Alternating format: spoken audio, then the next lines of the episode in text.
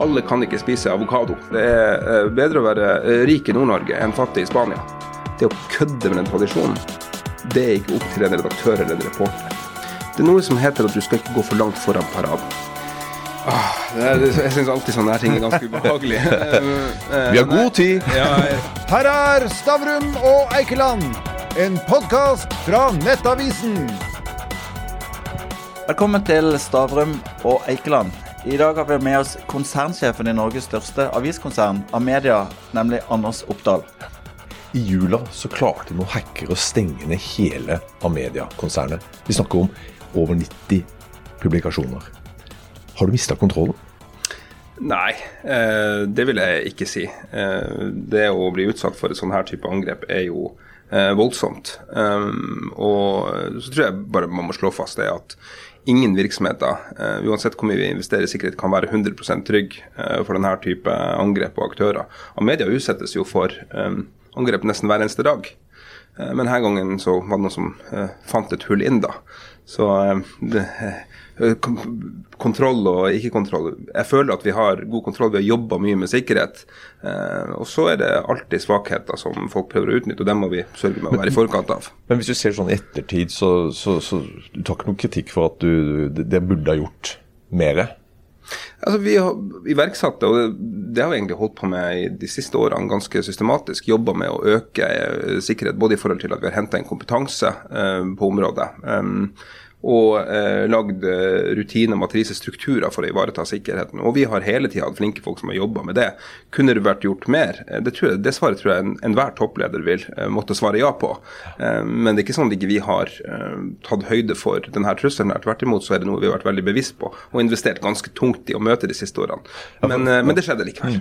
For Vi snakker om dette er jo miljøer enten fra Øst-Europa, kanskje Asia, Kina altså dette, og det, er, det er organisert kriminalitet. Blir vi for naive, rett og slett? At dette skjer ikke oss? altså Det, det er så langt borte.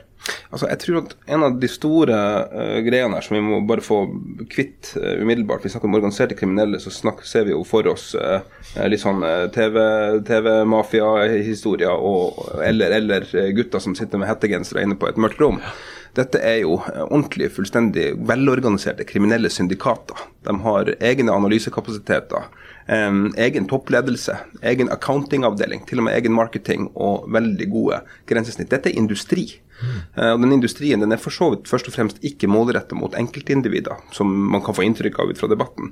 Den er først og fremst mynta på å gå etter uh, selskaper som har uh, substansiell økonomi, og som kanskje ikke har gode nok backup-rutiner, og hvor man rett og slett er tvunget til å betale penger for å kunne sikre videre drift.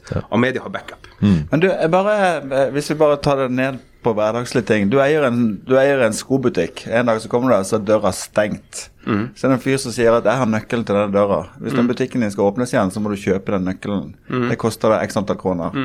Eh, Omtrent dette var jo situasjonen du sto overfor. Var det ikke jækla fristende å bare betale de pengene og bli kvitt hele problemet? Eh, nei, altså så lenge du passer på reservenøkler, så, eh, og, og helst en inngang, inngang på baksida av butikken. Eh, og det er jo det vi har. Vi har jo flere mekanismer her. Det var aldri en aktuell problemstilling. Altså lovlighet i forhold til det. det er nå så vidt jeg har skjønt, så er det ikke sånn at det er ulovlig per definisjon å betale ut disse løspengene. Men du insentiverer jo da disse virksomhetene til å fortsette. Er ikke det bare å stå i Skipsstedet neste runde? Vurderte du det aldri? nei, nei, nei, på ingen måte.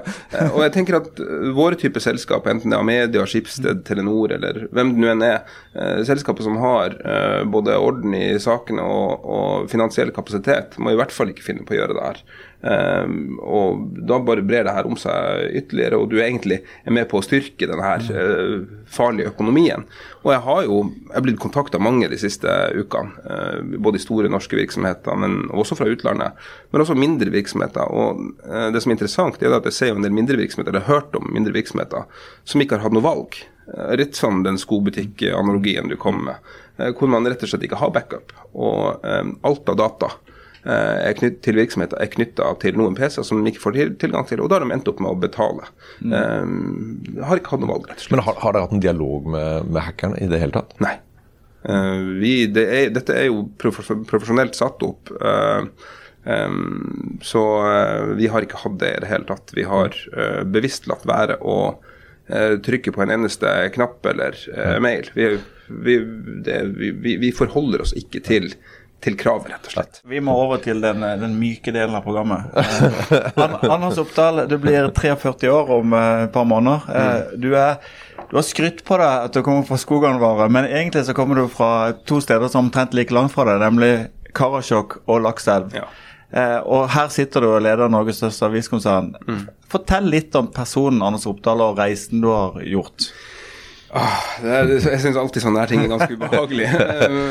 Vi har god tid! ja, jeg har tid. Eh, nei, altså bare til ta den skogavarebiten. Jeg har veldig sterk relasjon til skogavare. Familien min er derfra, min far er derfra, og tilbrakt fryktelig mye tid der.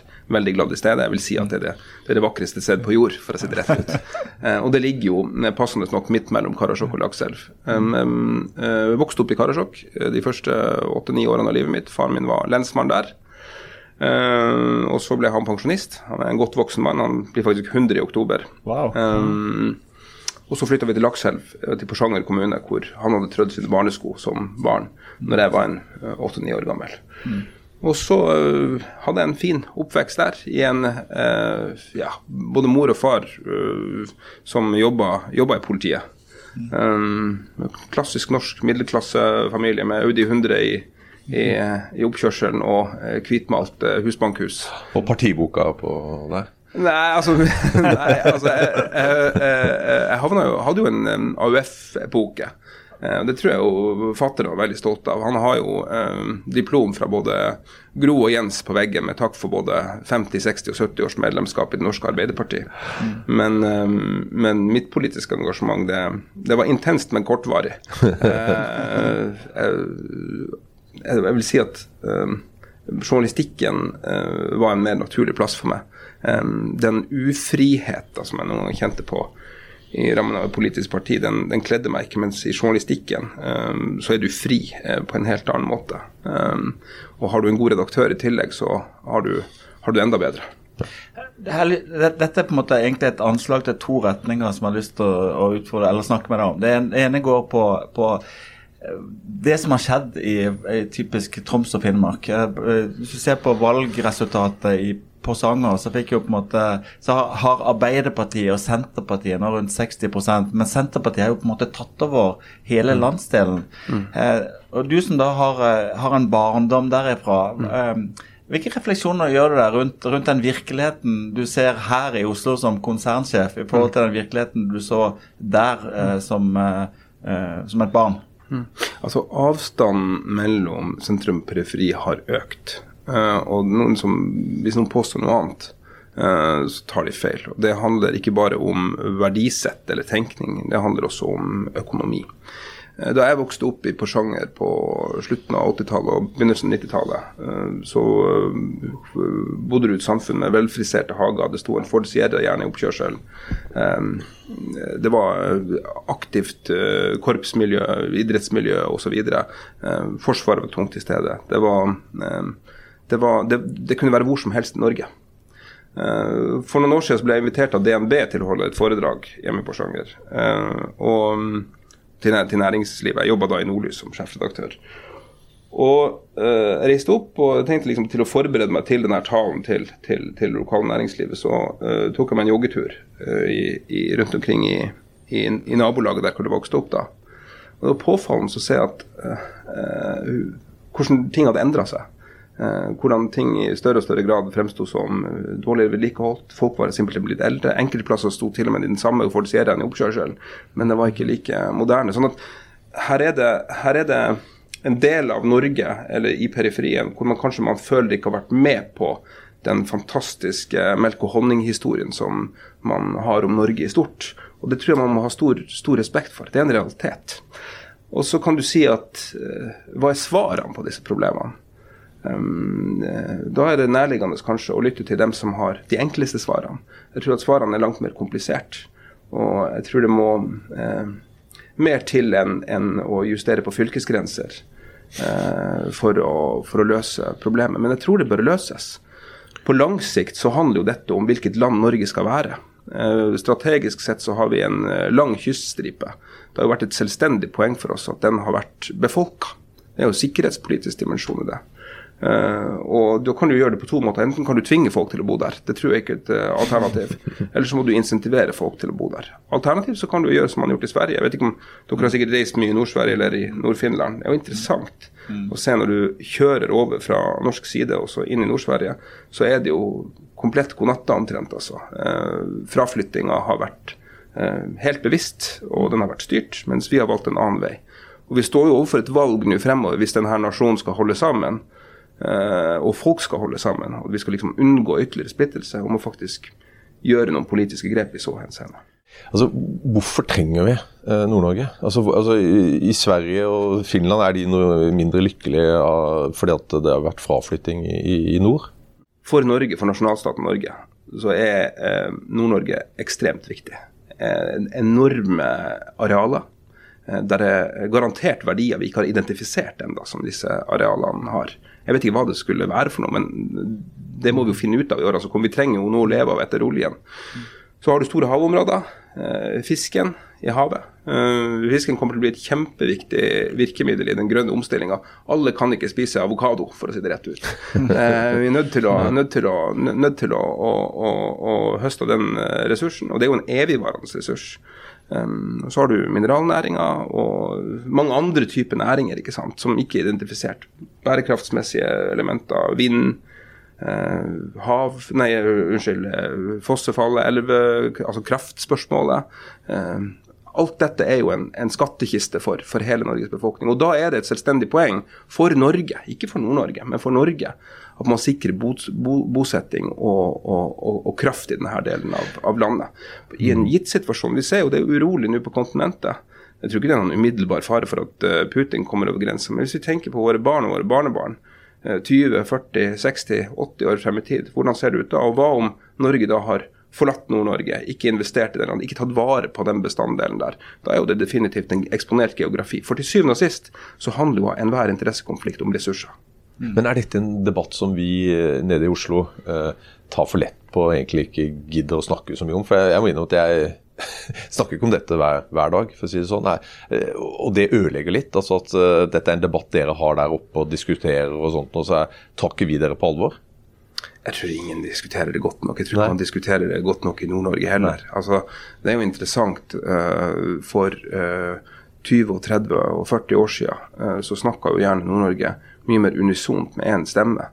Mens det jeg ser nå, det er jo egentlig uh, i, i, rammen av en landsdel som bare befolker 10% av Norge.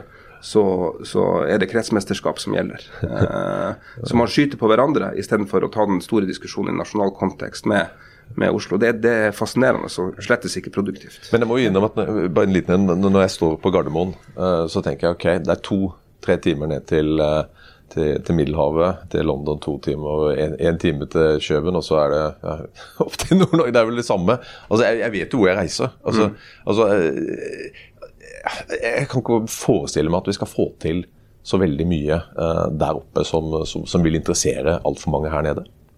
Men altså, det handler jo til syvende og sist om, om, eh, om ressurser og penger. Det handler jo om For å si det sånn, det er bedre å være rik i Nord-Norge enn fattig i Spania.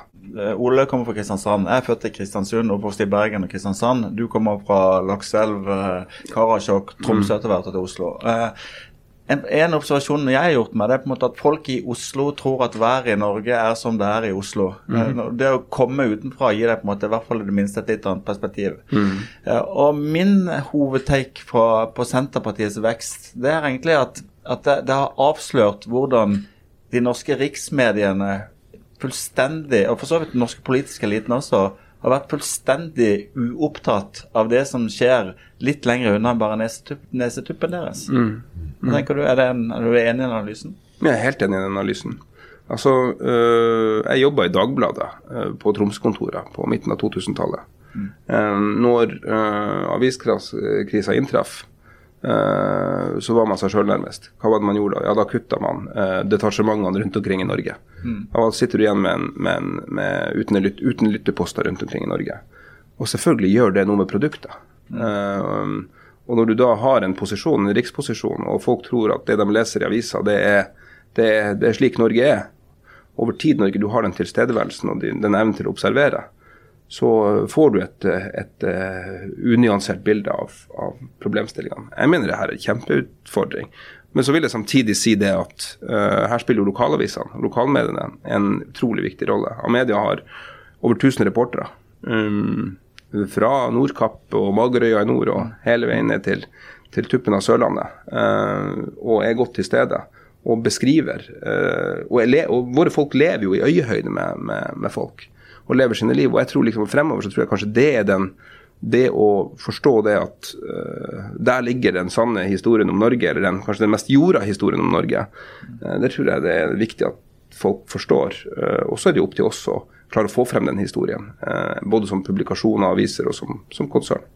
Men for å sette ting på spissen, eh, hva hjelper det hvis folk som leser disse avisene, på en måte regner de som produsenter av falske nyheter, mister tilliten til avisene, mm. peker på altså Du har vaksineskeptikere, du har klimaskeptikere, du har uh, Trump-supportere som mener på en måte at hele pressen er venstrevridd og mm. besatt av AUF-ere som deg.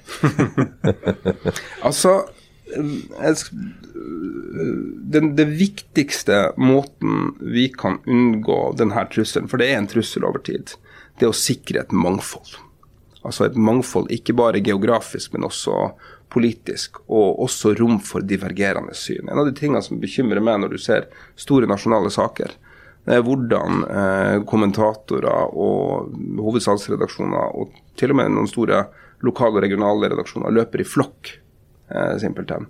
Når det skjer over tid, så mister du hele kontradiksjonsprinsippet. Det blir en vedtatt sannhet. Og Når det skjer, så er det jo presumptivt at det er en andre befolkninga som ikke er enig og ikke kjenner seg igjen i det bildet her. Hver gang dette skjer, hver gang det gjentar seg, så er det noen som rett og slett ikke kjenner seg igjen den virkeligheten som beskrives. Så det at vi har redaksjoner som i Norge og, og stemmer som tør å si hei, stopp en hal, vent nå litt. Det tror jeg er helt avgjørende. Sånn at alle opplever at deres syn blir, blir sett. Men, men, tror du ikke, altså disse skeptikerne har de ikke et poeng? Altså, De tradisjonelle mediene, journalistene der, det er jo mer venstrevridd enn høyrevridd i forhold til befolkningen generelt sett. Så at, at uh, de føler da at uh, mediene er mer på den siden, skriver om saker som er viktige for venstresiden mot saker som er viktige for høyresiden osv. Altså, tror du ikke det er, er ikke det et problem? Ja, ja, altså, At det er en, uh, si, en overproduksjon av reportere som kommer fra, fra, fra, fra, fra med venstresidepreferanse, det, det tror jeg er et riktig bilde. Det vi da trenger, det er sterke eiere og sterke redaktører rett og slett. Uh, at uh, vi, vi, har bruk for disse journalistene, uh, uansett hvilken politisk form eller farge de har. Med sterke redaktører som forstår hvem de står i tjeneste til, altså leserne. Det er helt avgjørende. Hvis du har sterke redaktører som klarer å bygge sine kulturer, klarer å være um, institusjonelt sterke, Eh, så klarer du også å unngå denne type problemstillinger. Eh, det er ikke noe man kan ta for gitt. Det er faktisk noe redaktører bør, bør tenke over. Og det andre er liksom det mangfoldsperspektivet av media, eh, og det får vi ofte, liksom, det gamle A-pressen. Nå er det jo sånn, De gamle arbeideravisene de utgjør en, en brøkdel av det av media i dag. Vi har borgerlige aviser, vi har senter, gamle Senterpartiaviser. Vi har aviser uten en historisk politisk tilknytning. Eh, for meg har det vært superviktig hver gang man har diskutert denne type problemstillinger, å si at en høyreavis, en gammel høyreavis, uh, som ikke lenger er en høyreavis, men den, den, har en borgerlig tradisjon. Det å kødde med den tradisjonen, det er ikke opp til en redaktør eller en reporter. Du får låne en talerstol, du får låne en institusjon. Vi må ta vare på det som institusjoner. Så har du noen privilegier i rammen av akkurat det. Men det å begynne å kødde med det, det kommer vi ikke til å gjøre. Tvert imot er jeg opptatt av å forsterke det. Ref. det du var inne på innledningsvis. Men, men LO var jo eiere var det fram til 2016, altså 50% eiere. Så mm. det er klart at man det, det, er jo ikke så lang historie uten altså, at dere har vært borte fra fagbevegelsen og, og venstresida. Nei, altså jeg skjønner at folk sier det. Mm. Og jeg skjønner at folk tenker ja, det. Ja. Men det er bare viktig for meg å si det at Amedia er i dag et uh, stiftelseseid uh, mediekonsern. Som har et eksplisitt samfunnsformål som ikke er politisk. Og for å sitere Donald Trump, dere er det mest eh, uavhengige konsernet i hele verden, ikke sant? Men Ja, du, helt ja da, ja da. helt ærlig nå har du, nå har du, du har jo manøvrert deg inn i, et, inn i en, eh, en død sone nå. For at I gamle dager så kunne du bruke Word, skrive ting og mene ting. Mm. Nå er du kommet i en, en, en jungel og et uføre av Excel og PowerPoint, og du er liksom konsernleder. I gamle dager, de smarte folkene som eide A-pressen i gamle dager, de satt jo på Youngstorget, så skrev de lederne på alle avisene til, eh, til fjernskrivere med rødt papir, og det måtte bare på trykk. Hvorfor i helsike gjør du ikke bare det? Oppdal skriver lederne i 95 aviser. Altså, det, da tror jeg i hvert fall det hadde blitt anklaga om fake news, for å være helt ærlig. Så det tror jeg ikke jeg tror ikke vi skal reintrodusere det, det tankegodset, for å være helt ærlig. Um, journalistikk har en ekstremt stor verdi. Eh, og den må være jorda, og den må være uavhengig. Så lenge vi passer på det, så er også folk villige til å betale for, for, for journalistikken. Og det er jo det vi har opplevd de siste årene. Altså, må jo si det, I rammen av pandemien så har vi hatt en eventyrlig vekst eh, i forbrukermarkedet. Det gjelder nettavisen også. Eh, og det handler jo om at vi, vi sitter på en vare. Vi sitter på det som oppleves fortsatt som den mest korrekte og sanne informasjonen, den mest relevante informasjonen knytta til hvordan folk lever sine liv. Og det er de villige til å, til å betale for. Det er jo en fantastisk forretningsidé. Har du, har du hørt Siste Nytt? Hvem er det som ikke vil høre Siste Nytt? Nei, nei, ja, det, ja, men det er jo helt riktig. Men eh, du, du snakker om forretningsidé. Al- al- Altså, Amedia er jo blitt en, en gullgruve. Altså, eh, jeg må om at jeg jobba jo i Nettavisen tilbake i 2013-14 og, og til dels i 15. Og da tapte dere penger. Det er kanskje derfor det, nå går tjener mye bedre. Ja, ja, ikke sant? Men da hadde dere 424 millioner eh, i underskudd i 2014. I 2020 så, så tjente dere eh, 374 millioner, og i fjor så har det trolig dobla seg. Vi snakker om dette, dette er stor butikk. Og da lurer jeg på hvordan i helsike har du klart det? Altså, det er, Vi snakker om papiraviser, lokalaviser. altså Snittalderen er jo altså De, de som abonnerer på dere, sitter jo, ønsker heller å sitte på en strand i varmen og drikke pina colada ikke sant, og slappe av. Altså, Hvordan har du klart dette? Eh, altså det, det er artig karikatur du trenger. For det første de økonomiske prestasjonene er- er litt mer nyanser i det, men det er greit. Eh, eh, vi har lyktes veldig godt med yngre lesere. Eh, Digitaliseringa av lokalavisene og avisene våre har vært en gave. Før vi begynte å ta betalt i digitalt, så var gjennomsnittsabonnenten omtrent 70 år gammel. Digitalt så ser vi det at vi er nede i 40, eh, 40-årene. Så det har, vært, eh, det har jo skapt en fantastisk, fantastisk eh, vekst. Um, og så eh, må jeg jo bare si vi var jo, Det er helt riktig som du skrev, at vi var i en krisesituasjon i 2014. Og den gangen så ble det gjort ganske brått og brutalt uh, kutt i virksomheter. Um, uh, hvis ikke vi hadde vært i en pressa situasjon, så hadde vi antageligvis brukt vesentlig lengre tid til å gjennomføre de grepene. Men der og da var vi nødt til det. Hvis ikke så kunne det egentlig true hele, hele konsernet. Um, og det har nok i etterpåklokskapens lys også hatt noen Det var smertefullt der og da. Jeg satt i virksomhet, Det var kjipt å se folk måtte gå. Men i, men i ettertid så tror jeg det kanskje har vært Eller det har helt åpenbart vært eh, også med på å gi oss anledning til å kunne ha god lønnsomhet. Um, så uh, Sparebankstiftelsen DNB, da de kjøpte Amedia i, i, i 2016, så gjorde de jo en fantastisk handel, for å si det forsiktig. Det må jo være eh, og Nå skal jeg ikke skryte for mye av styrelederen min, men, men det må jo være en av de, en av de beste dealene av det her formatet som er gjort, eh, gjort noen gang. Altså. Det var vel Knut Brundtland som, som megla, megla dealen. er det? Så jeg vet ikke. Han, det... han, er, han er jo godt likt på Han har en finger med i spillet. Styreformannen er jo da gammel høyremann. bare så det er sagt. Men eh, du, du har jo eh, små barn. Og Amedia har jo lagd en, en, noen filmer som viser på en måte typiske mediebrukeres forhold til, til medier. Mm. og En interessant ting der er jo på en måte at den yngste ante ikke hva lokalaviser het. Eh, og uh, Vi som er litt eldre, liksom drømmer jo om at når de bare blir gamle og får seg jobb og sånt, og etablerer seg, så kommer de til å begynne å lese aviser igjen. Eh, Men er du sikker på det? Nei. Kommer ikke til å skje nå, tror jeg. Eh, vi har digitalisert uh, avisene våre basert på papiravisens logikk. Eh, la meg stille deg et spørsmål, Gunnar. Hvorfor har nettavisen en start og en slutt? Hva er grunnen til det? Jo, det er jo fordi vi kommer derfra, ikke sant. Også formspråket som er brukt. Det vi ser med de yngre leserne nå, det er at de er vokst opp på plattformer og eh, forholder seg til glasskjermer. Det å så eh, eh, akseptere at det er grensesnittet for å være relevant, det må vi gjøre. Så eh, skal vi overleve, og dette gjelder ikke bare av medias virksomheter, eh, dette gjelder også alle andre eh, som er opptatt av journalistikken der ute, så er vi nødt til å eh, se oss sjøl i speilet knytta til formen og måten vi, vi kommuniserer på.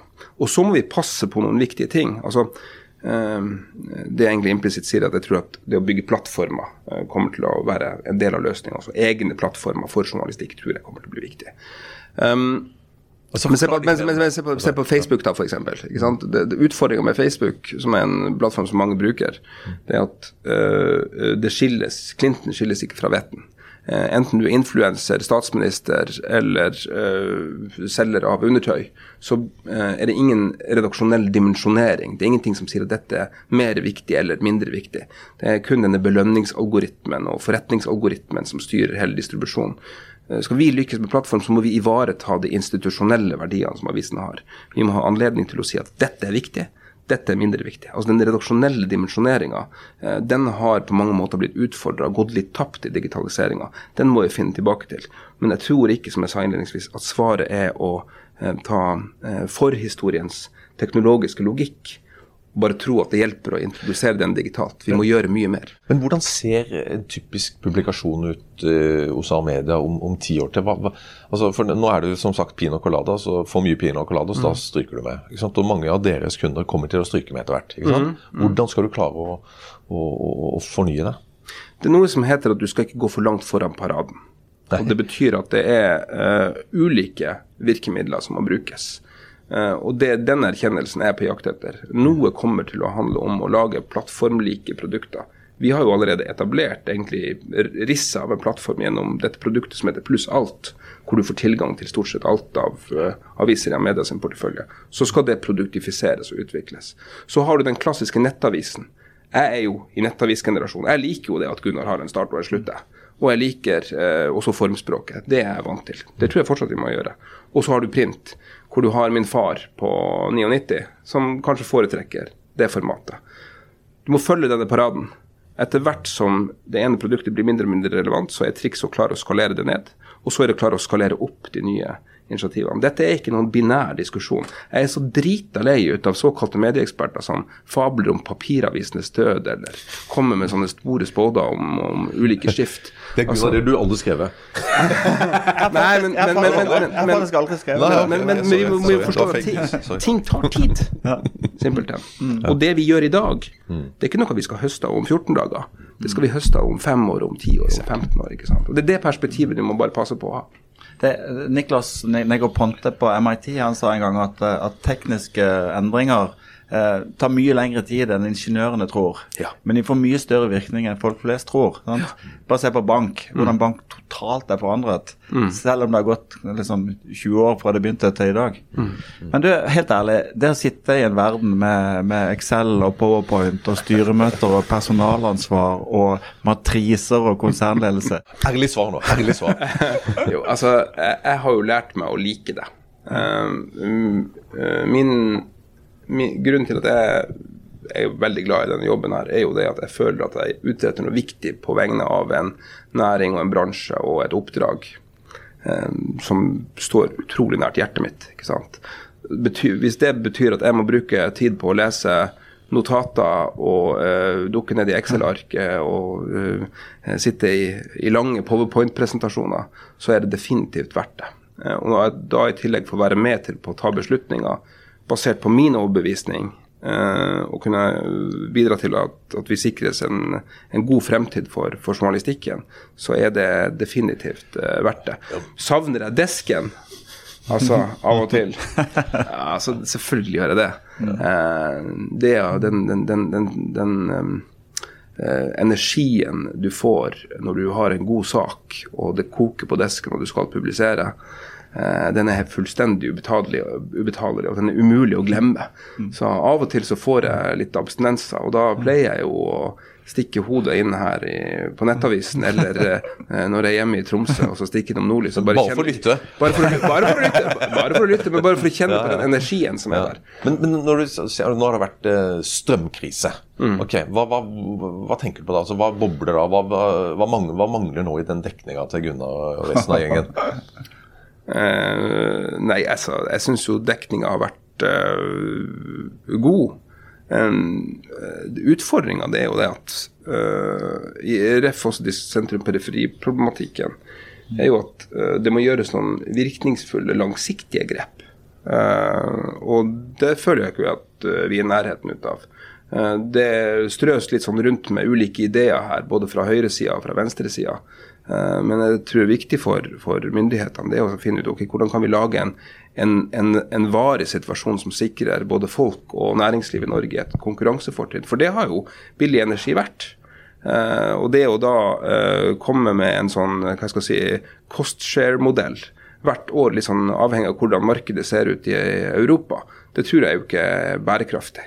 Så eh, det her er jo en kjempepotent problemstilling, og den rammer folk. Altså, Jeg har sjøl fått høye strømregninger i det siste, og det gjør, altså, det gjør, altså, gjør ingenting. Det hørtes veldig arrogant ut. Altså, jeg Ja, det var faktisk veldig arrogant. Altså, Det gjør jo at de innhugger i apanasjen. Men altså, nei, men altså, jeg klarer meg fint med det, men, jeg- men jeg kjenner jo andre som, som liksom opplever at det, det frie handlingsrommet de har, er redusert med både 20 og 30 og snakker liksom, Da snakker vi ikke om de som er eh, trygdemottakere eller eh, har størst, størst sosiale problemer. Vi snakker om norsk middelklasse. Ja, jobber i butikk, jobber i restaurant. Ja, ikke sant? rett og slett. Og, og, og, over tid så er det et kjempestort politisk problem at de blir eksponert for det som er en opplevd risiko. ikke sant? Det er ikke alle som, som, eh, som har tre, fire, fem månedslønner på en sparekonto. Noen lever faktisk gode liv med lav flyhøyde over bakken. Og det kan du gjerne si er et personlig problem, men det er jo likevel en realitet. Ok, på, på lørdag kommer du til å drikke en halvliter på byen da? Eh, Får du lov til det? Det må, det må jeg spørre kona mi om. Eh, men, men eh, jeg må jo si det at eh, jeg har jo savna jeg, jeg, jeg har jo savna det. Da har vi to, kanskje tre, tror jeg. Ja, ja, ja. Ja. Men, eh, og en siste sånn, jeg må, må bare spørre. Eh, Blir Jens Stoltenberg sentralbanksjef?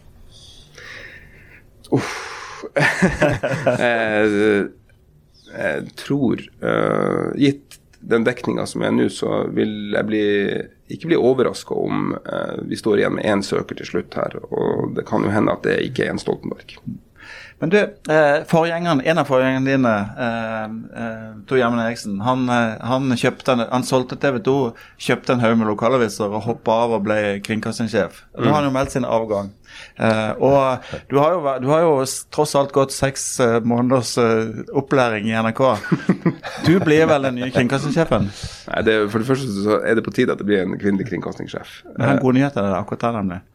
Har, jeg har en god nyhet til deg nemlig der. Ja. Eh, fordi at det er jo i hvert fall seks gode kvinnelige kandidater. Men nå har jo du fått et trumfkort, og det er det at du kan si at du oppfatter deg som binær. Nei, men, men, men, men uh, altså, NRK er jo en fantastisk institusjon. Uh, uh, men jeg må jo også si det at Amedia er en, et fantastisk konsern. Og um, jeg har akkurat begynt i den jobben. Jeg har vært den i, i 20 måneder. Og jeg har ikke tillatt meg å tenke på andre ting.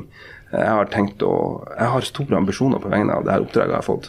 Det skal, jeg, det skal jeg levere på. Og så er jeg helt sikker på at eh, NRK får en fantastisk kringkastingssjef. Det er mange gode kandidater der. Mange gode kvinnelige kandidater, men også mange gode eh, mannlige kandidater hvis det skulle bli virkelig beit. Ja, og husk Gunnar, altså, eh, når du skrev boka om Jon Fredriksen, da gikk jo han i barnehagen. Så, altså, han har jo mange år igjen til å bli NRK-sjef. Men du vet hva Kåre, du vet hva Kåre Valbrok ble spurt hva han sa til Einar Førde når Einar Førde ble NRK-sjef? Så sa han det at det å lede en bedrift hvor du får 6 milliarder kroner av staten 1.1, det er ikke en jobb for en voksen mann. Nei, det er, det er mulig, det. Du fikk Stavrum og Eikeland, en podkast fra Nettavisen.